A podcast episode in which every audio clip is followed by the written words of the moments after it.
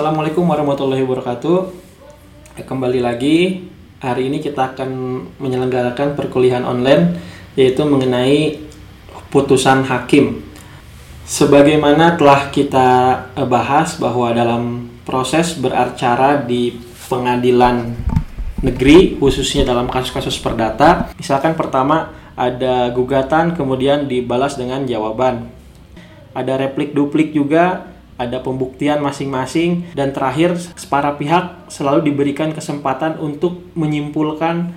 Nah, kemudian dalam penyelesaian perkara gugatan perdata ini setelah para pihak nanti menyerahkan kesimpulan kepada majelis hakim, majelis hakim akan bermusyawarah untuk selanjutnya membuat suatu putusan. Nah, putusan inilah yang akan kita bahas dalam perkuliahan kali ini.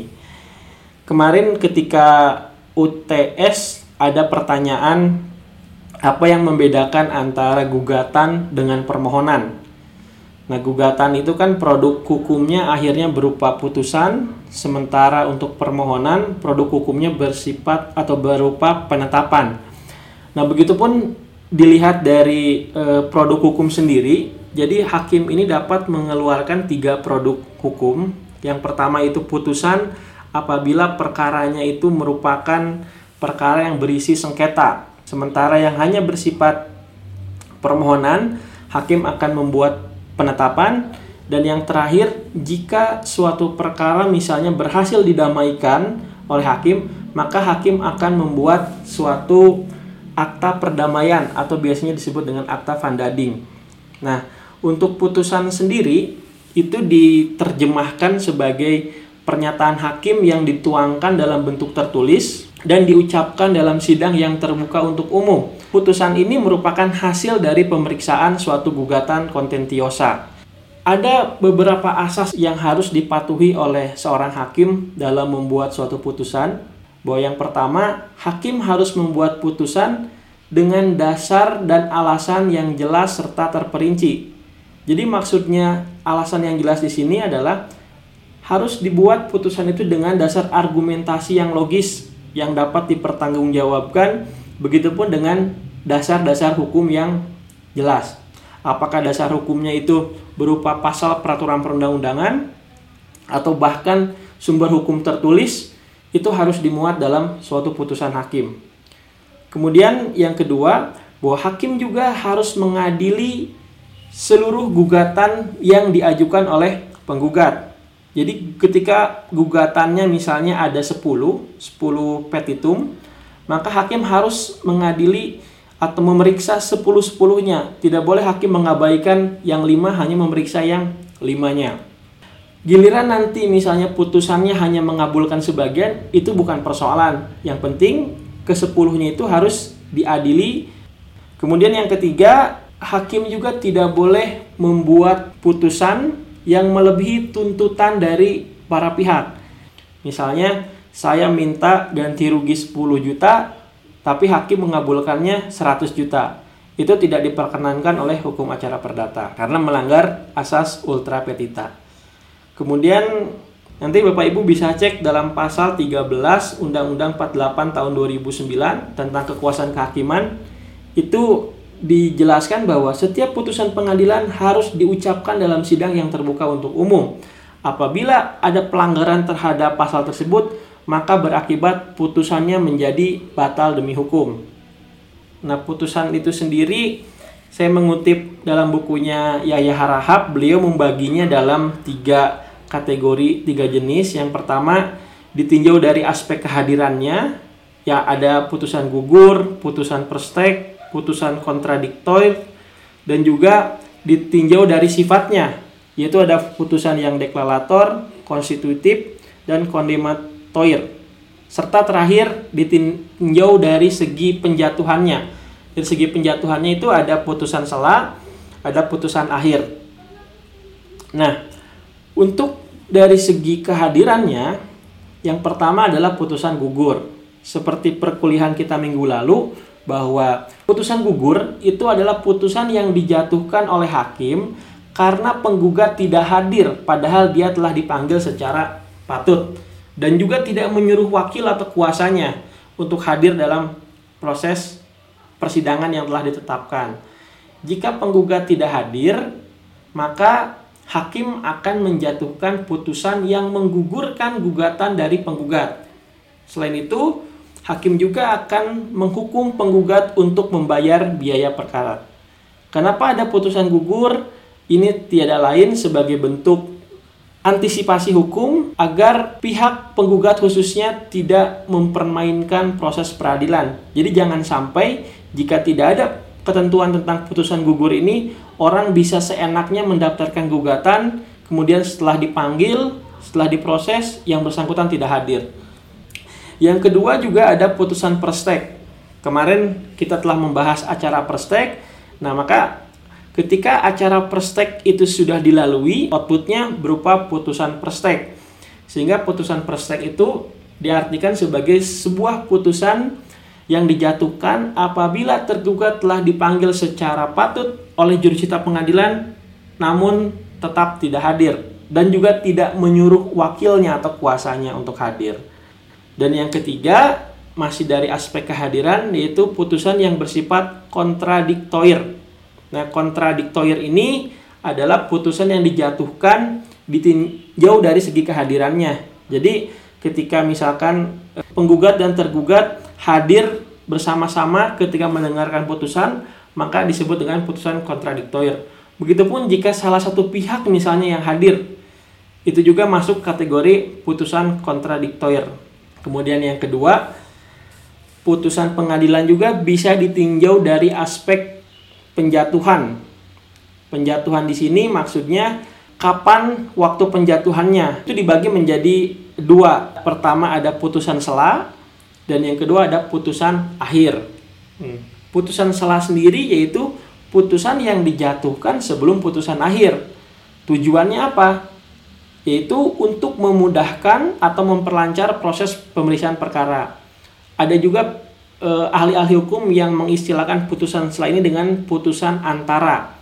Sebaliknya, kalau putusan sela tadi di tengah-tengah, jika putusan akhir itu adalah putusan yang dijatuhkan oleh hakim guna mengakhiri suatu sengketa dari para pihak yang berperkara. Jadi dalam proses persidangan tingkat pertama misalnya ketika sudah ada gugatan jawab menjawab pembuktian, kesimpulan, maka di akhir hakim akan menjatuhkan sebuah putusan untuk mengakhiri sengketa para pihak. Untuk putusan salah sendiri itu terbagi menjadi empat putusan salah. Yang pertama adalah putusan prepatoir, yaitu putusan yang dijatuhkan hakim tujuannya untuk mempersiapkan atau mengatur pemeriksaan perkara. Jadi putusan ini tanpa mempengaruhi e, pokok perkara juga putusan akhir.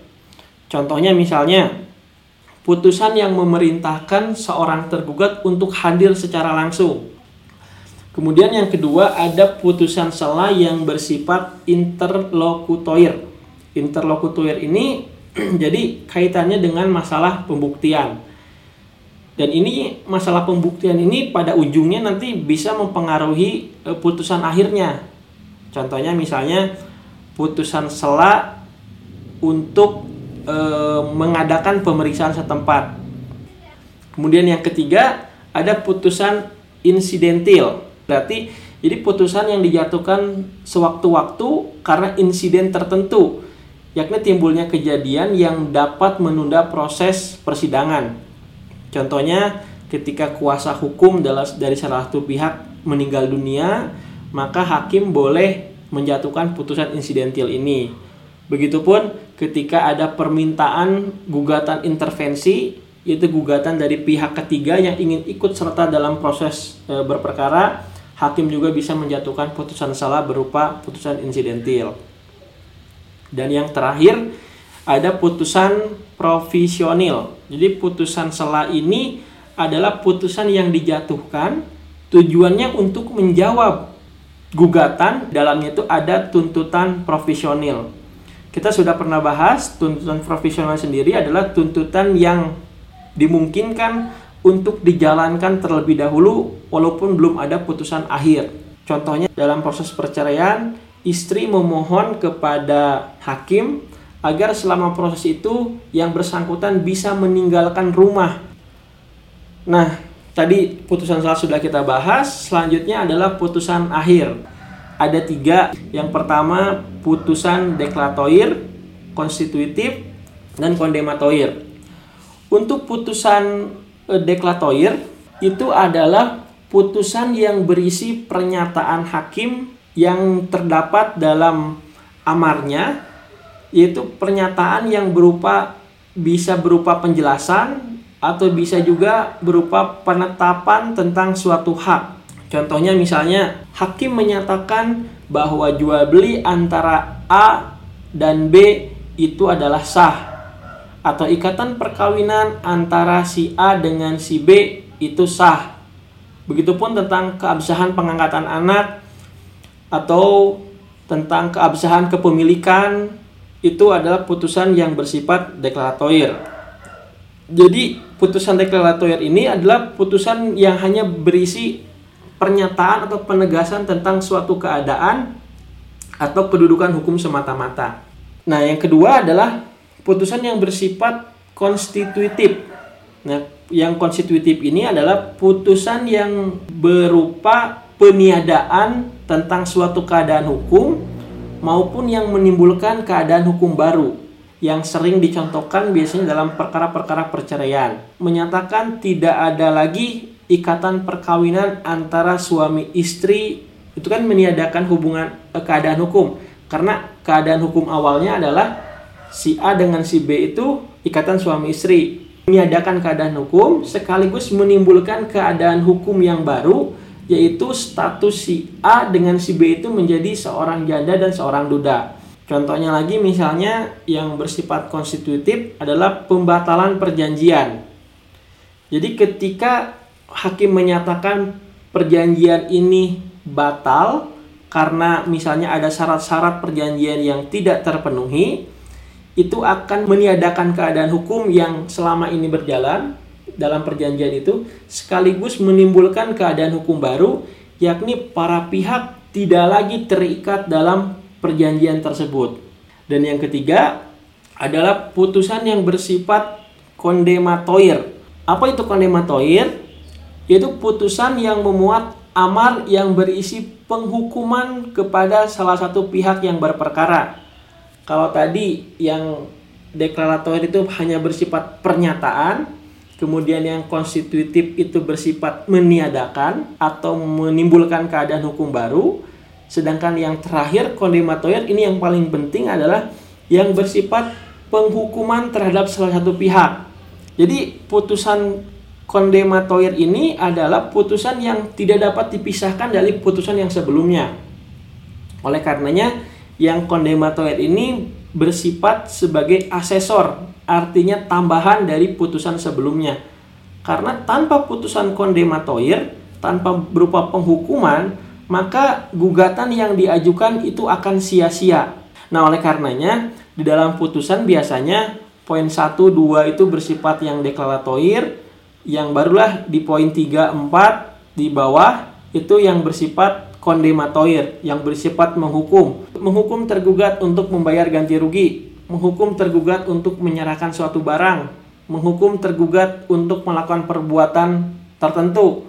Kemudian selanjutnya tentang kemungkinan isi-isi dari putusan akhir. Jadi putusan akhir ini dapat berupa beberapa kemungkinan. Yang pertama isinya bisa mengabulkan seluruh gugatan dari penggugat bisa juga mengabulkan sebagian dari gugatan, bisa juga menolak seluruh gugatan, bahkan bisa juga putusan yang membalikan keadaan. Jadi membalikan keadaan dan memenangkan tergugat. Kenapa tergugat bisa menjadi menang? Kita sudah pernah bahas karena ada yang disebut dengan gugatan rekonvensi, gugat balik. Ketika ada gugat balik, maka bisa jadi ntar amar putusannya menjadi malah membalikan keadaan, memenangkan tergugat dan mengalahkan penggugat. Nah, kemudian kaitannya dengan kekuatan dari putusan hakim sendiri, putusan hakim memiliki tiga eh, kategori kekuatan. Pertama kekuatan mengikat, kekuatan pembuktian, dan kekuatan eksekutorial. Kekuatan mengikat, putusan hakim itu mengikat kepada para pihak yang berperkara ketika A dan si B berperkara dalam proses peradilan perdata, maka putusannya itu mengikat kepada si A dan kepada si B. Tidak mengikat kepada pihak yang lain. Apabila pihak yang lain merasa ada kepentingannya yang dirugikan dari putusan A dan B, maka dia harus mengajukan gugatan e, baru. Kemudian juga putusan hakim memiliki kekuatan pembuktian. Maksudnya, putusan ini merupakan alat bukti otentik karena dibuat oleh pejabat yang berwenang dan telah melalui serangkaian proses pembuktian-pembuktian di persidangan sehingga sewaktu-waktu bisa dijadikan sebagai alat bukti. Nah, yang paling sering biasanya putusan dalam perkara perdata itu dijadikan sebagai alat bukti dalam perkara pidana. Dan yang terakhir adalah kekuatan eksekutorial. Jika putusan hakim telah memiliki kekuatan hukum yang tetap, maka putusan itu dapat dilaksanakan oleh pejabat yang berwenang, oleh jurusita pengadilan. Dia bisa melakukan eksekusi terhadap objek, misalnya objek sengketa dan lain sebagainya. Jadi dia dapat dilaksanakan.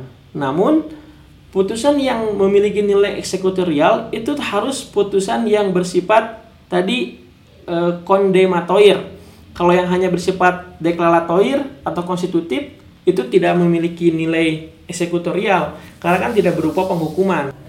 Kemudian putusan hakim itu harus berisi yang pertama adalah kepala putusan.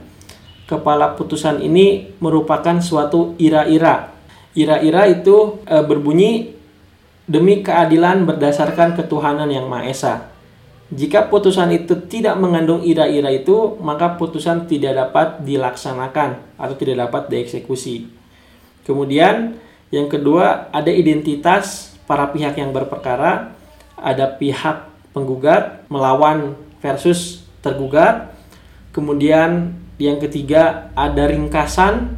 Ringkasan ini berisi eh, ringkasan dari dari gugatan, juga ringkasan jawaban, replik, duplik, kesimpulan itu dalam ringkasan. Kemudian ada pertimbangan atau konsideran. Pertimbangan juga menyangkut e, alasan hukum, dasar hukum, fakta-fakta hukum yang ditemukan. Selanjutnya setelah pertimbangan ada amar putusan atau diktum, yaitu amar yang berisi tadi berisi dia bisa bersifat deklaratoir, konstitutif, atau kondematoir. Jadi bisa yang bersifat hanya menyatakan sesuatu, meniadakan sesuatu, atau menjatuhkan hukuman kepada salah satu pihak.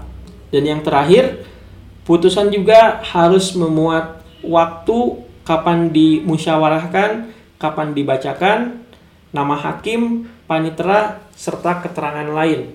Mungkin itu e, materi yang bisa saya sampaikan hari ini. Selanjutnya kita akan membuka sesi tanya jawab